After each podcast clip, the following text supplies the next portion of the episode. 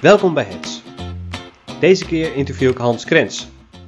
Misschien eh, ben je Hans wel eens tegengekomen eh, omdat je tegen hem speelde, of dat het je coach was, of dat je hem mee hebt gemaakt in het bouwen van clubs en het uitbouwen van onze sport.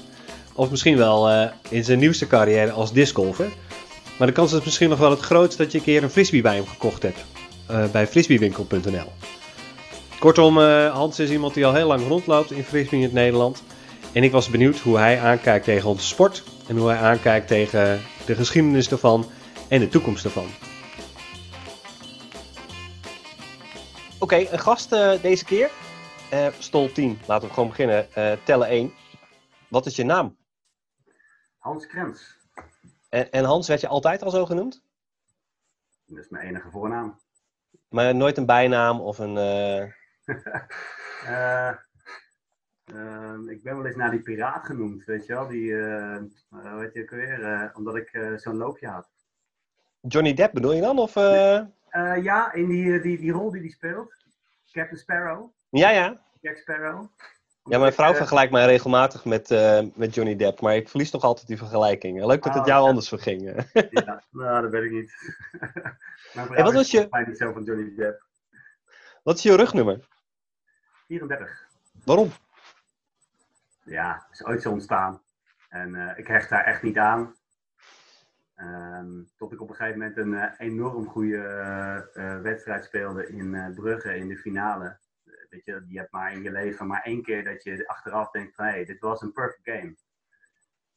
Hier ging echt alles goed. Geen, geen drop, geen, geen stall-out, geen, geen foute paas, geen miscatch, geen miscommunicatie. Alles ging perfect. En net toen eh, betrapte ik mezelf op eh, de volgende toernooien op iets van bijgeloof. Maar eh dat heb ik snel weer aan de kant gezet hoor. Daar ben ik helemaal niet van. Maar 34 is gewoon gebleven. Ja, Stalling 3, eh, offense of defense? defense for sure. Eh Stalling 4, handler of cutter? Moeilijk. Moeilijk. Ik ben handler geworden. Na meer ervaring ben ik handler geworden. Maar van origine ben ik echt wel pure defender. Dus ook wel cutter. Dus eh, de keus bij Stol 5, een layout D of een greatest? Is dan een layout D? Of, eh? Nou, ik ben nooit zo goed geweest in layouts. Dus eh, als ik nou zeg layout die, dan lijkt het net of ik, of ik dat wel kon. Nee, doe maar gewoon lekker greatest. Fijn. Leukste toernooi ooit? Harbor Ultimate 95. Waar was dat, Harbor? Is dat, was dat Rotterdam? Ja. Ja, hè? dat was de voorganger van Windmill volgens mij. Hè? Wat, eh, ja, mensen doen het zo. Maar het was echt het eerste toernooi in Europa waar je full field kon spelen. En het was ook het toernooi waar ik kennis maakte in 1991 met Ultimate. Als wedstrijdsport. Ik kwam daar als vrijwilliger om, eh, om een beetje tentenkamp te managen. En eh, in 1995 mocht ik daar met UFO 1 heen als beginnende, eh, beginnende speler bij UFO.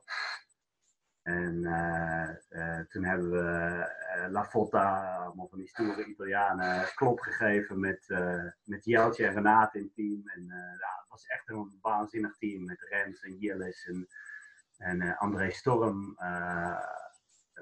Fenomenaal, red light gewoon, eh, eh, nou niet afgedroogd, maar wel iets van 13-10, weet je wel, vrij kansloos. Eh, en als beginnende speler was het geweldig om mee te maken. Dat is echt een toernooi, dat blijft mij echt bij. Ik heb daar ook, een, ik heb daar ook nog een stuk tekst over geschreven in het U-forum toen. En ja, dat draag, ik, dat draag ik in mijn hart, die, dat toernooi. Stol 8, een typische Stol 8 vraag. En wat doe je eh, eh, op Stol 8? Een dumpasje of toch maar die hammer? Vaak wel iets creatiefs, ja. Ja, dat laatste. Dat laatste. Ja. Ja. Vroeger mocht ik alleen maar dumpen. Van wie? verdedigen en dumpen. Bij UFO. Dan mocht ik heel hard rennen en dan, in de begintijd ging ik gewoon zo idioot hard diep dat ik twee man meetrok. Want die wisten niet dat ik niet vangen kon. Die paas kwam niet, dat wist ik ook. En mijn taak was gewoon eh, verdedigers op het verkeerde been zetten. En dan was er een handler open en dan konden zij het punt maken. En pas later kreeg ik ook de eindpaas. En kreeg ik de eindpaas niet in, het, eh, niet in, het, in, de endzone, mocht ik me nooit omdraaien. Dus ik moest inkutten, schijf, krijgen. En dan kwam er een handler zigzag op me afgekut. En dan gooide ik die schijf gewoon recht omhoog. En dan rende ik weer weg. En dat was mijn taak. Daar moest ik me ook aan houden. Anders kreeg ik het hele team over me heen. Het was vroeger bij UFO heel strak. Met Peter Pols en uh, Wouter Peters. Die hadden die lijn daar heel strak in. En die afspraken waren... ja, ik maakte ook nooit... Ik was ook nooit meer betrokken bij een foutje op die manier. Dus op zich konden we het als team heel goed presteren. Het werkte als team fantastisch. Ja. Uh, Stol 9, wat is je ultieme tip voor een beginnende speler? Uh, rust aan de schijf. Ja, ik roep ook altijd naar mensen, je hebt tien tellen. ja. maar dat is, dat is dan wat je bedoelt ook, met gewoon uh, neem je tijd. ja, ja. Je moet, je moet wachten op een goede keuze binnen die stol van team. En ehm, eh, de paniek eh, hoeft pas toe te slaan bij 8. En er zijn uh, verschillende oplossingen en een aantal fases. Je kan eerst drie tellen naar voren kijken. Je kan dan uh, wachten op een mooie inkut of een, uh, en de eerste, eerste secondes misschien een swingpaas. Krijg hem van rechts, swing hem door naar links. Dat is eigenlijk altijd goed. Laatste vraag. Um, outdoor, indoor of beach? Wauw, dat is een moeilijke vraag, man. Het is alle drie leuk, maar alle drie echt anders. Ja, dat vind ik heel. Ja, nee, kan. Eh, vind je het erg als ik geen keuze durf te maken? Nou, vooruit. Bij deze laatste mag het. het is gewoon altijd een leuk spelletje. Is dat eigenlijk wat je zegt? Ja. Ja, 3 tegen 3 is tof. 5 tegen 5 is tof. Beach is tof. Indoor is technisch gooien gaaf. Uh, outdoor is gaaf, maar is voor uh, een 47 jaar oude man niet meer zo goed bij te houden. Uh, wat jammer is natuurlijk, want met veel wind is het helemaal geweldig. Om dan met zeven man een perfecte zone neer te zetten bijvoorbeeld. Is, ja, is ook lekker hè? Ja, precies. Ja. Ja. Um, ja, ik weet nog dat we kennis maakten met elkaar. En toen, uh, toen, toen, kwam ik al vrij snel achter dat jij uh, als enige Nederlander uh, echt je brood verdient met frisbees. Ja. Is dat nog steeds zo? Zijn er, of zijn er ondertussen ja. meer mensen? Oh, um, nou, ik, ik heb een bedrijf opgericht toen de tijd met twee poten. Eentje was de, het clinics gedeelte, dus bedrijfsuitjes, maar ook trainingen en dergelijke. maar ook veel lessen op school. En de andere was de Frisbee winkel. En ja, die is nu wel uitgegroeid dat hij mij fulltime nodig heeft. Um, dus Frisbee winkel en Disc Golf Park, dit, dat, dat vergt echt mijn, mijn aandacht meer dan fulltime. En Daan is sinds vijf jaar ingestapt, Daan Remmers. En die, die draait eigenlijk de Frisbee, de Frisbee Clinics toko. Hij heeft er nog wel een baantje naast. Um, maar het begint er wel op te lijken. En ja, met, de, met de coronacrisis mochten we natuurlijk heel weinig meer gaan lessen meer geven. Dus dan krijgt het even een, een flinke kink in de kabel. Maar het, het gaat, het gaat wel de goede kant op. Ik weet niet of er in Europa nog. ja, er zijn wel mensen met webshops, bijvoorbeeld Discmania of zo. Die, die gasten zijn ook wel fulltime bezig nu. maar dat is vooral discgolf. En ik, milieukundige, ben je ooit toe opgeleid? Ja. Hoe kom je dan erbij om te denken van, nou, ik ga hier mijn, mijn inkomen van maken, mijn werk van maken? Ja, eigenlijk gewoon de neiging om te doen wat ik leuk vind. En kwam, Carmen van de Airbreakers, die zat bij mij op de opleiding Milieukunde. En ja, we hadden een supergoeie band, we zaten achter in de klas, bij wijze van spreken, te dollen met elkaar. En uh, zij woonde dus in Rotterdam en ze speelde bij de Airbreakers. En Hemmert. En uh, die nodigde me dus uit om te komen helpen bij het toernooi. En toen ze ook al in de gaten, uh, ze hadden weinig spelers, dus ze moesten dat hele toernooi draaien. Um, dus toen mocht ik ook in het veld. En toen was ik eigenlijk verkocht. En pas vier jaar later had ik ook in de gaten dat ik niet alleen Harbor kon spelen, maar ik kom ook gewoon bij een club en er was in Utrecht gewoon een club. echt idioot. Dat dat kwartje niet eerder viel gewoon. Dat heeft vier jaar geduurd. Dus elk jaar naar Harbor en dan keihard spierpijn. En, en, zo ben ik eigenlijk, door middel van milieukunde, ben ik op het pad van Ultimate gekomen. Nou, toen heeft het me echt gegrepen. En ik, ja, ik vind de boodschap die achter onze regels zit en de waarop we met elkaar omgaan gewoon fantastisch. Ik ben een ontzettend fanatieke vent en soms ook echt wel een, ik haal het bloed onder je vandaan in het veld, dat weet ik ook. Ehm, maar ik, ik geloof in Ultimate. Ik, ik hou van de kracht van Ultimate. En Ultimate zit echt in mijn hart in, die zin. En ik wil er ook graag over vertellen. Dus ja, dan rol je daar eigenlijk gewoon in. Ja, nou, zoals ik jou heb leren kennen, is ook wel met die intensiteit. Ehm, maar volgens mij ehm, is dat juist ook de kracht van Ultimate. Dat intensiteit heel goed kan samengaan met op een goede manier met elkaar omgaan. Ja. Dus, uh, nou, en ik, dat, die zelfregulering, die vind ik echt te gek ook. Ja. En uh, dat heb ik ook wel een beetje, toen ik net begon met spelen, heb ik dat ook wel een beetje van jou geleerd. In uh, dat je daar op een andere manier invulling mag geven. En dat het niet allemaal op dezelfde manier de sport beleefd kan worden. Nee, dat klopt. Ja. ja. ja.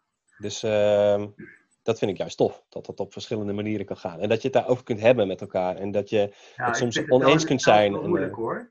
ik blijf dat in het veld lastig vinden, omdat je soms overrompel je mensen met je, met je agressie. Hè? Met je, ja, ik noem het dan even agressie, maar met je intensiteit. Ik ben een ontzettend intense vent en ik kan niet tegen onrecht, maar goed, andere mensen hebben dat net zo hard als ik. Alleen met een andere dynamiek. Hè? En ik vind het lastig om uit te drukken naar een medespeler van, of naar een tegenstander soms, naar een medespeler eh, trouwens ook, dat ik hem begrijp. Dat sla, ik vaak, eh, dat sla ik vaak nog even over, want dat vind ik een vanzelfsprekendheid. En daar gaat het soms mis. Want dan denken mensen, hij begrijpt mij niet.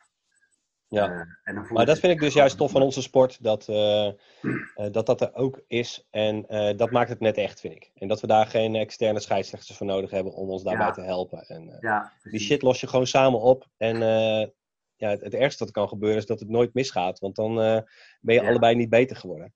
Ja, precies. Waar ik in ieder geval niet, nooit zo blij mee ben, is dat, dat ultrasoft de hele tijd.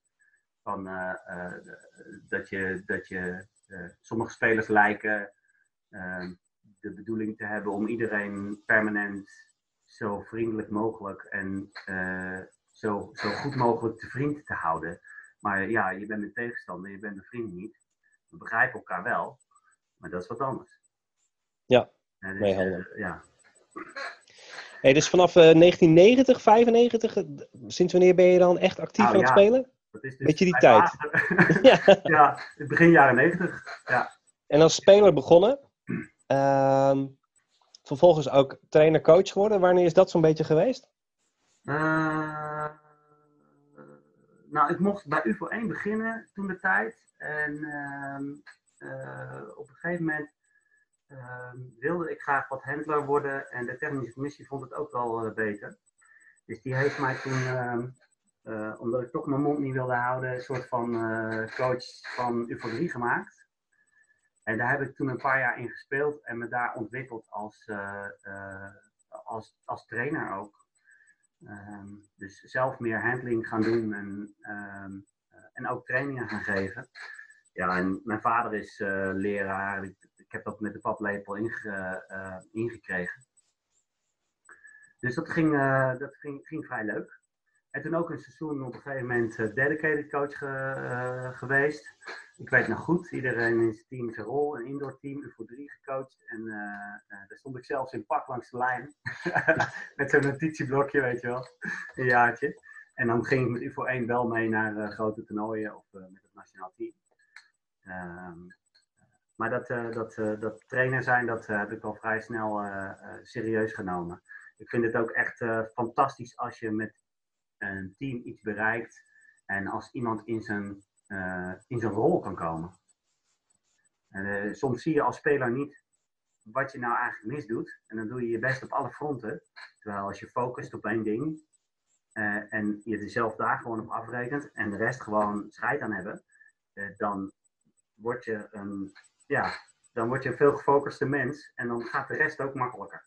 Ja, ja. ik stond gisteren nog op een een sportveldje aan een meisje van negen tijdens een clinic op een basisschool uit te leggen hoe je de sidearm moest gooien. En toen zei als je nou even zo gaat staan en je laat hem iets meer afhangen, probeer dat dan eens. En dan de blik op dat gezicht van zo'n kind als het lukt. Ja. Dat is toch ook, ja, dat zie ik bij jou ook al vaak als je langs de lijn staat. Dan, ja. nou, dat genieten, dat kun je ook wel volgens mij. Ja, dat is met uh, volwassenen of met, uh, met wat oudere jeugd is dat een langer uh, proces. Maar dan kom je op een gegeven moment ook tot op het niveau dat iemand een layout maakt, je in het veld juichend aankijkt en dat je samen jankt. Dat je echt samen jankt. of dat je met iemand, ik kan me met Paula dat wel heel goed herinneren. Paula was ook altijd, ja, was meteen fanatiek ze was acht jaar of negen jaar toen ze begon bij mij eh, in een zaaltje. En ze was qua fanatisme, was ze de rest gewoon meteen ver vooruit. En ze wilde direct alles. En ik moest Paula remmen.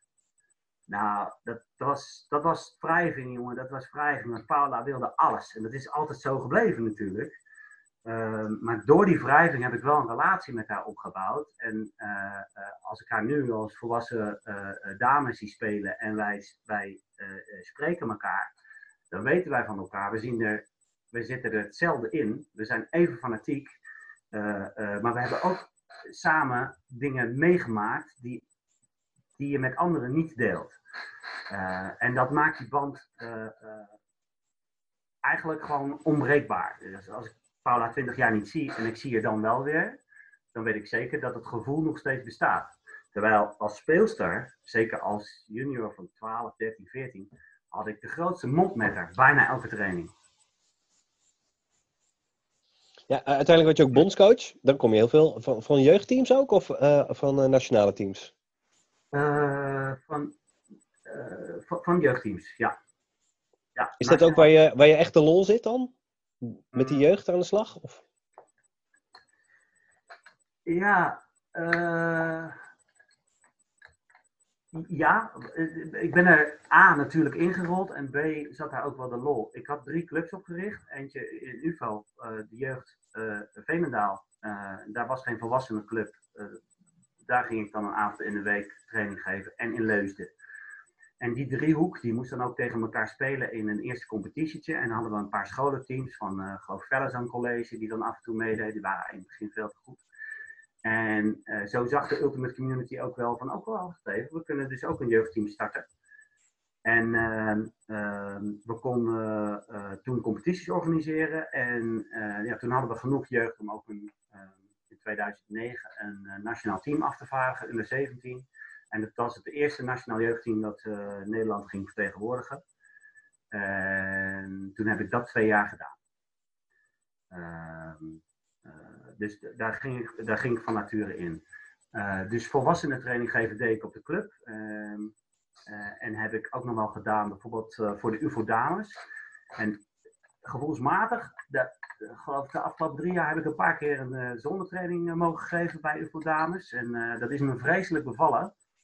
Ehm, ik had na drie trainingen al moeite om afscheid te nemen. ik denk dat als ik als ik wat meer senioriteit opbouw, of nu ik wat meer senioriteit opbouw, hè, dus ik ben bijna 50, dat het ook wat makkelijker is om niet in een team te staan, maar er naast. Um, en uh, dat dat ook wel een weg opent om op termijn uh, een volwassenen team te kunnen trainen. Alleen, ik zou het alleen echt willen doen op een manier uh, met, met een aantal mensen samen, die ik dan ook die ik daar dan ook in meeneem. en het moet ook echt wel een uitdaging zijn. Dus een meerdere jaren plan. En, en anders blijft het gewoon losse trainingen, is ook cool. Ja. Uh, om iets te doen. Maar ik, ik, ben, als trainer ben ik nog niet klaar, denk ik. Nee. Je hebt nog wel zin in meer. Uh...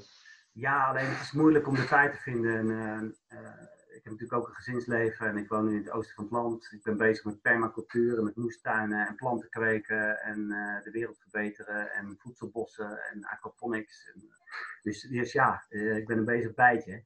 En dan zal er iets anders moeten wijken. Dus ja, dat herken ik helemaal niet, uh, Hans. nee. nee. Ja, het is altijd keuzes maken en alles is leuk. Ja. Ja Hey, dus maar, als je dan, je dus, uh, onze sport op heel veel verschillende manieren meegemaakt. Als speler, als, als, uh, als trainer, uh, maar ook als, als iemand die clubs bouwt en als bestuurder. Ja. Um, zou je iets kunnen zeggen over waar onze sport dan van, vandaan komt en waar onze sport nu staat? Oeh ja, diep, diep filosofisch, Erik. Um, nou, Toen ik begon waren er iets van 300 leden van de, uh, van de bond. En uh, er waren, de clubs bestonden eigenlijk alleen maar uit mensen die het puur voor hun eigen sportbeleving deden. Um, het waren docenten lichamelijke opvoeding, uh, mensen die in de gezondheidszorg werkten. Um, en die wilden allemaal keihard sporten. Um, er was dus weinig aandacht voor bestuur en organisatie. En dat was ook niet nodig, want er was maar vaak maar één team. En als je niet goed genoeg was, dan voelde je bij een open training al van, nou, dit is niet echt een sport voor mij. Want er was geen, ja, er was geen recreantenteam, weet je wel, dat, uh, dat gevoel. Uh. En, uh, nou ja, in de jaren negentig is dat al wel wat meer gegroeid. En, de clubs, ultimate clubs, zijn meer ultimate clubs bijgekomen. En er zijn ook meer burgerverenigingen ontstaan. En dat is, een goede, dat is echt een goede ontwikkeling. Studentenclubs zijn fantastisch, zeg ik altijd, maar naast een burgerclub of als onderdeel van een burgerclub en niet als primaire club in de stad. Als dat zo is, dan moet er het liefst een burgervereniging naast. Want je wilt volwassenen uh, die niet meer studeren, maar ook hun kinderen, ook de mogelijkheid bieden die sport te beleven. Dan gaat die sport pas uh, uh, verbreden en meer bekendheid krijgen. Um, in een aantal steden is die stap uh, zeker gemaakt. En in het zuiden van het land is het gewoon, lijkt het gewoon moeilijk om Ultimate als sport uh, te, te, in te pluggen, uh, gek genoeg. Zijn daar misschien te veel voetbal en volleybal minded of zo? Ik weet niet wat het is. te druk met carnaval. Weet ik veel. Ik, ik roep zomaar wat. Maar dat is, dat is echt een soort van black hole in Nederland. Hè? In België is het heel populair in Vlaanderen. En zijn die clubs heel goed georganiseerd. En zodra je dan de grens overstapt naar het noorden, heb je een soort zwart gat. En dan komt het bij ons bij de rivieren, begint het een beetje te komen. Dat is eigenlijk gek. Ja. Um, maar de sport is natuurlijk wel uh, enorm gegroeid. En uh, jeugd, uh, de verenigingen hebben dit jeugdge jeugdgebeuren echt goed opgepakt. En ik ben zo vreselijk blij dat ook de, de nationale teams, dat daar al meerdere jaren gewoon vier teams zijn. En dat een team als Grut Um, uh, waar natuurlijk gewoon kids ook in zitten die ik zelf ook uh, heb leren frisbeeën of een schijf vast heb leren houden. Dat is ook geweldig. Uh, maar ik zie nog wel een aantal uitdagingen die een aantal clubs denk ik nog niet zo zien. Um, ik denk dat je moet blijven groeien, want als je stilstaat, dan ga je achteruit. Mensen worden ouder, die stoppen er op een gegeven moment mee kinderen worden ouder, die, die komen in een andere leeftijdscategorie. Dus je moet blijven aanvullen en het liefst ook ietsje meer dan je vorig jaar hebt aangevuld. En dat dan over meerdere jaren vol weten te houden. En daarin blijven investeren. En bij, bij Veenendaal zie je nu op een gegeven moment uh, dat er drie, drie jaar is er, is er een soort, ja, is er een, uh, een beetje een pauze geweest in de lessen die we gaven in het onderwijs. Daardoor is de aanwas in de jongste groep een tijdje wat minder geweest. Nu is dat wel weer fantastisch opgepakt hoor. Ze, zijn echt super goed bezig. Uh, maar dan zie je op een gegeven moment dat drie jaar later, dat, dan, dat er dan echt een gat ontstaat in je club. En dat je dan wel een paar leden hebt van een bepaalde leeftijdsgroep, maar dat die eigenlijk geen aansluiting vinden bij andere leden. En dan dus ook weer opstappen, omdat het gewoon niet leuk is eh, op de club. Ze moeten met 17-jarigen of met ukkies die echt nog helemaal niks kunnen. Uh, en ze vallen daar precies tussen met z'n tweetjes. Nou, dat is echt zonde. Dus die, die, die, dat naar buiten gaan en uh, de buitenwereld vertellen dat, dat Ultimate zo tof is en het laten zien, dat moeten we echt veel meer doen dat, dan, dan naar binnen kijken. We hebben vaak de neiging om naar binnen te kijken. Ik denk dat dat wel echt anders moet. Ja, ik, ik sprak laatst ook met uh, uh, een aantal Belgen. En uh, wat mij daar heel erg van bijgebleven is hoe, hoe, zij de sport uitbouwen, is dat ze echt een hele grote groep mensen hebben die naast dat ze de sport consumeren, ook heel veel teruggeven aan de sport. Ja. En hoe meer je van dat soort mensen in je club hebt zitten, ja, dan, uh, dan lukt het makkelijker om goed georganiseerd te zijn en uh, na te denken over lange termijn. En niet alleen te denken van, nou, ik, ik heb er dit jaar uitgehaald wat ik eruit wilde halen. ja. ja, ouders van jeugd, hè? Dat, dat helpt toch ontzettend. Die brengen natuurlijk een frisse wind, maar ook ervaring, levenservaring. Ehm, en ook organisatieervaring soms. Um, en ik zie toch dat dat bij een aantal clubs heel goed werkt om ook over een wat langere termijn bestuurders te hebben die, ja, die besturen kunnen. Ja. ja. jij weet natuurlijk heel goed waar veel gefrisbeed wordt, want die, jij ziet precies waar mensen frisbees bestellen. En uh, zijn er dan ook plekken waarvan je denkt van, hé, hey, daar krijg je heel vaak bestellingen vandaan, maar er zit helemaal geen club? nou, de, de, laatste tijd, discgolfers in het zuiden. Ja. Um, maar dan, hè, dan is het meer van, uh, daar krijg ik bestellingen vandaan, maar dan het, uh, daar is helemaal geen koers. Um, dus dan, dan, dan denk ik wel eens van, hé, hey, wat gebeurt daar? En als je zo'n klant aan de lijn, is, de, lijn hebt, dan kun, je, dan kun je wel eens een, een balletje opgooien. En dan blijkt er soms dat er, dat er inderdaad wel een soort van organisatie is, van een soort vriendenclubje. Um, het is nu best wel, nou ja, het is nog niet echt een levende community, maar het is wel, uh, ik krijg wel qua discgolf verrassend veel bestellingen uit Apeldoorn de laatste tijd. En um, ik zou ook wel graag met, met de gemeente daar eens praten over dat sportpark Ordebos. want dat is een fantastische plek om daar een permanente course neer te zetten met al die sportvelden eromheen. Dat is een, een prachtige, prachtige plek. Uh, om discgolf gewoon ook uh, te kunnen combineren met het normale, ja, met de normale recreatie. Dat gaat daar volgens mij heel goed. Ja, de koning heeft daar ook nog een lapje grond. die wordt een heel groot gedeelte van het jaar niet gebruikt. Dus wie weet is dat ook nog... Ja, misschien moeten we Wim Alex eens vragen of hij een stukje land open kan stellen. Ja, ja. een gek idee. Ja. Um, ja, want jij, zou je daar een, heb je daar een beeld van? Want uh, van alle frisbees die je verkoopt, hoeveel procent ervan is dan uh, uh, ultimate schijven, denk je? Oh, dat is. dat zal je misschien verbazen, maar het is maar een procent of vijf. En, en dan hoeveel procent disc golf schijven? Nou, op dit moment is het 90. Maar het, het, de, de, de, de, de afgelopen jaren is het langzaam aan het groeien van 45 naar nou, nu 90. Want iedereen ontdekt nu uh, uh, als, ja, als, als leuke pastime tijdens de coronacrisis. Zeg booming. Normaal gesproken zou, zou ik zeggen, normaal gesproken zou het zijn 10, 15% ultimate. Um, 30 procent doopfrisbee. En de rest de, de hoofdmoot discgolf. Maar nu is discgolf echt ja, booming. Het is echt niet normaal meer hoeveel bestellingen ik de deur uit doe uh, van mensen die, uh, die discgolf uh, ontdekken. In Amsterdam natuurlijk, rond, die, rond al die vaste courses. Maar is ook op plekken waar mensen zelf denken van, hey, dat is leuk man. En via YouTube filmpjes dan, dan zelf een parcoursje verzinnen met een aantal vrienden. En dat gewoon als pastime gaan doen met een biertje in je hand. Hartstikke leuk. Ja, tof. En, en denk je dat is discgolf al groter dan Ultimate? Uh, of uh, is het een kwestie van tijd? Bedoel je dan in Nederland of wereldwijd? Ja, in Nederland. Uh, want wereldwijd is discgolf vele malen groter dan Ultimate.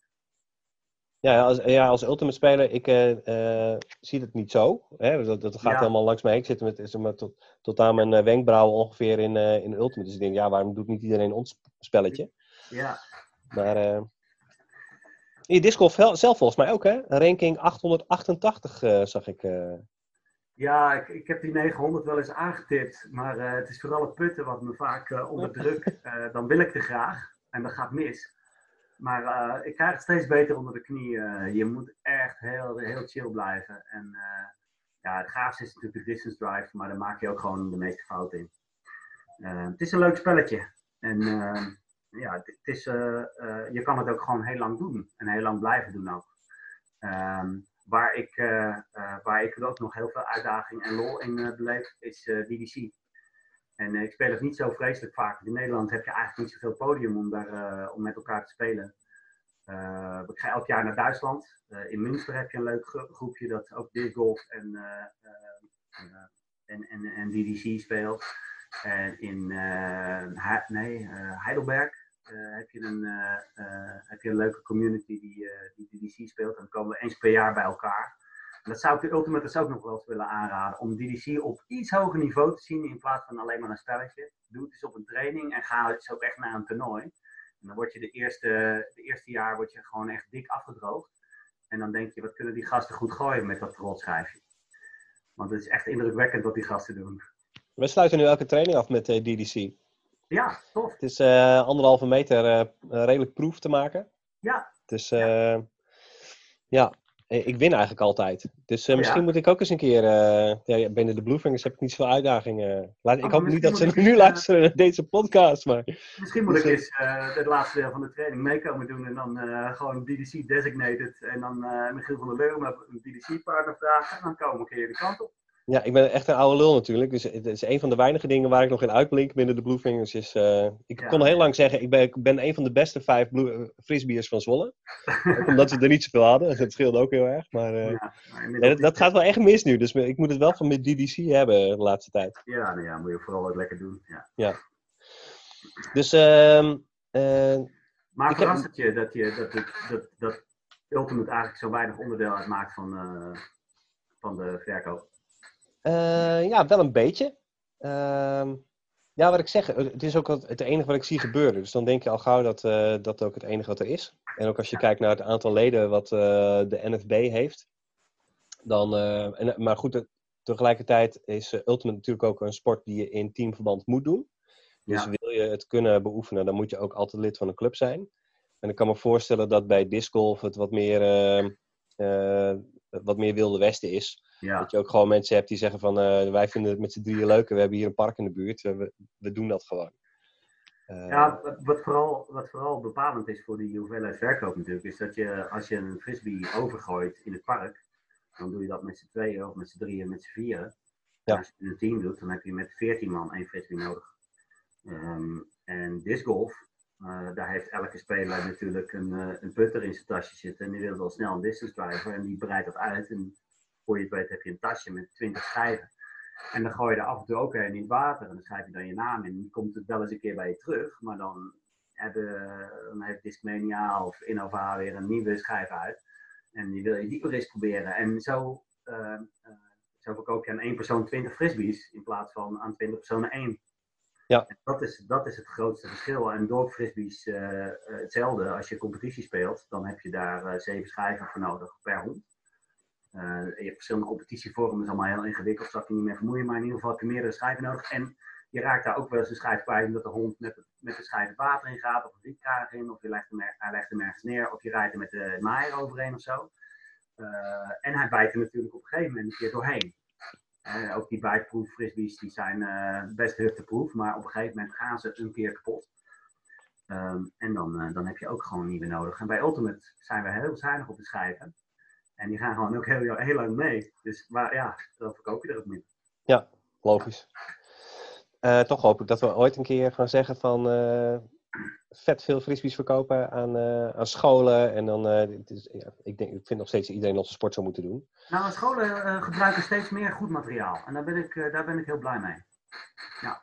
Ja, ik denk dat het aan onze jeugdleden ligt. Want die, die, uh, een van onze jeugdleden die, uh, die, die, waren heel hard aan het mopperen op de frisbees op school. Ja, en nu uh, ja, precies. ze ook uh, goede ja. aanschaffen. Ja. ja, dan kopen ze bij, weet ik veel... van die hard plastic dingen bij Heutink of zo. Of, ja. Die keiharde wemmo's of zo. En dat is echt... Dus, ja, dat gaat kapot. Dus, het is gewoon niet fijn vangen. En het is vreselijk. Ja.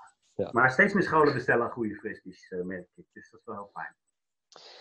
Hans, uh, je, je, hebt goed beeld bij uh, waar we vandaan komen als sport. Uh, ik ben, heel benieuwd naar je glazen bol vaardigheden. Want ehm, waar gaat Ultimate naartoe? Wat, wat, is de, wat zie jij in de toekomst voor ontwikkelingen voor je?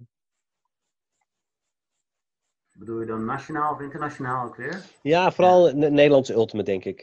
Oké, oké. Nou, ik denk dat we, ik denk dat we gewoon heel goed bezig zijn op een aantal vlakken. En als we nog wat meer naar buiten gaan, dat we de natuurlijke groei die we gewoon natuurlijke aantrekkingskracht die we als sport al hebben. Hè, maak je vrienden enthousiast en hoe meer mensen je hebt, hoe meer vrienden er zijn om enthousiast te maken. Dus open trainingen en uh, beginnersteams. Uh, uh, en als je dat maar blijft doen, als we dat maar als community blijven doen en er komen nog een paar steden bij, ehm, dan denk ik dat het gewoon natuurlijke groei zal blijven. er, zit, er is veel meer potentie. Dat, dat weet ik zeker. Maar daar zullen we dan als community ook gewoon veel harder voor moeten werken. Dus dat kost ook veel meer uh, tijdsinvestering en visie ehm, als bestuur van een vereniging. Vaak heb, zie ik wel dat, dat verenigingen, als het gaat om promotie, een beetje, ook een beetje naar de bond kijken of zo. Maar de, zit, promotie zit helemaal bij jou in jouw omgeving. En jij zult echt als club moeten zorgen dat het bij jou groeit en dan, dan gaat de rest ook vanzelf. Ehm, eh, en we zullen gewoon meeliften op die, op die natuurlijke flow van groei van Ultimate uh, wereldwijd. Want wereldwijd gaat het iets harder nog dan het in Nederland gaat. En we komen er een beetje achteraan. We zijn in Nederland toch best conservatief denk ik. Ehm, Waarin dan? Waar zijn we dan conservatief in? Nou, dat, hè, conservatief als in, als in de definitie van het, van het woord. Hè, wat de boer die kent, dat vreet hij niet. Uh, ja, ik wil Nederlanders niet als boeren afschilderen in die zin. Dat kan natuurlijk ook als scheldwoord soms eh, worden ervaren. Maar uh, uh, wees trots op de Nederlandse boer. Maar ik denk dat je ehm, er is, natuurlijk, er is een reden dat er in het zuiden van het land dat Ultimate niet zo is doorgedruppeld. En, dat het, maar veel sporten hebben daar moeite. Ja. Ehm, en uh, ja, als je, als je denkt, nou ja, wat ik ken, dat vind ik leuk en, dat, dat, en daarvoor gaat, en, ja, dan, dan, dan, dan komt er natuurlijk niet zo snel iets nieuws in je, leven en sta je niet zo open voor andere dingen.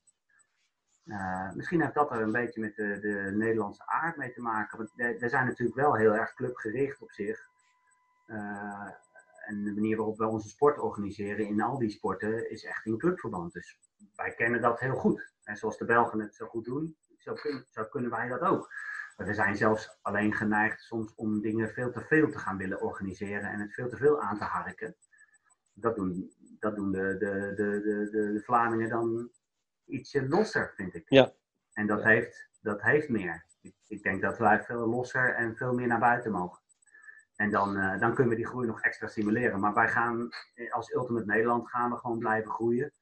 En uh, als, die jeugd maar, uh, als die jeugd maar blijft groeien, en het aantal jeugdverenigingen maar blijft groeien, en de nationale teams vervolgens maar blijven groeien en blijven presteren, en die organisatie op peil blijft, het, het, het werk wat, uh, wat de familie Jansen heeft gedaan de afgelopen jaren op dat vlak is gewoon fantastisch natuurlijk. Um, en de, het bondsbestuur heeft daar ook echt wel ja, de, de, ballen achter gezet. En dat is geweldig. En als je dat zo houdt, dan, dan gaan we gewoon een zonnige toekomst tegemoet. Het zou alleen fijn zijn om die dichtheid aan verenigingen nog wat groter te maken. Nou ja, aan jou zou het niet liggen.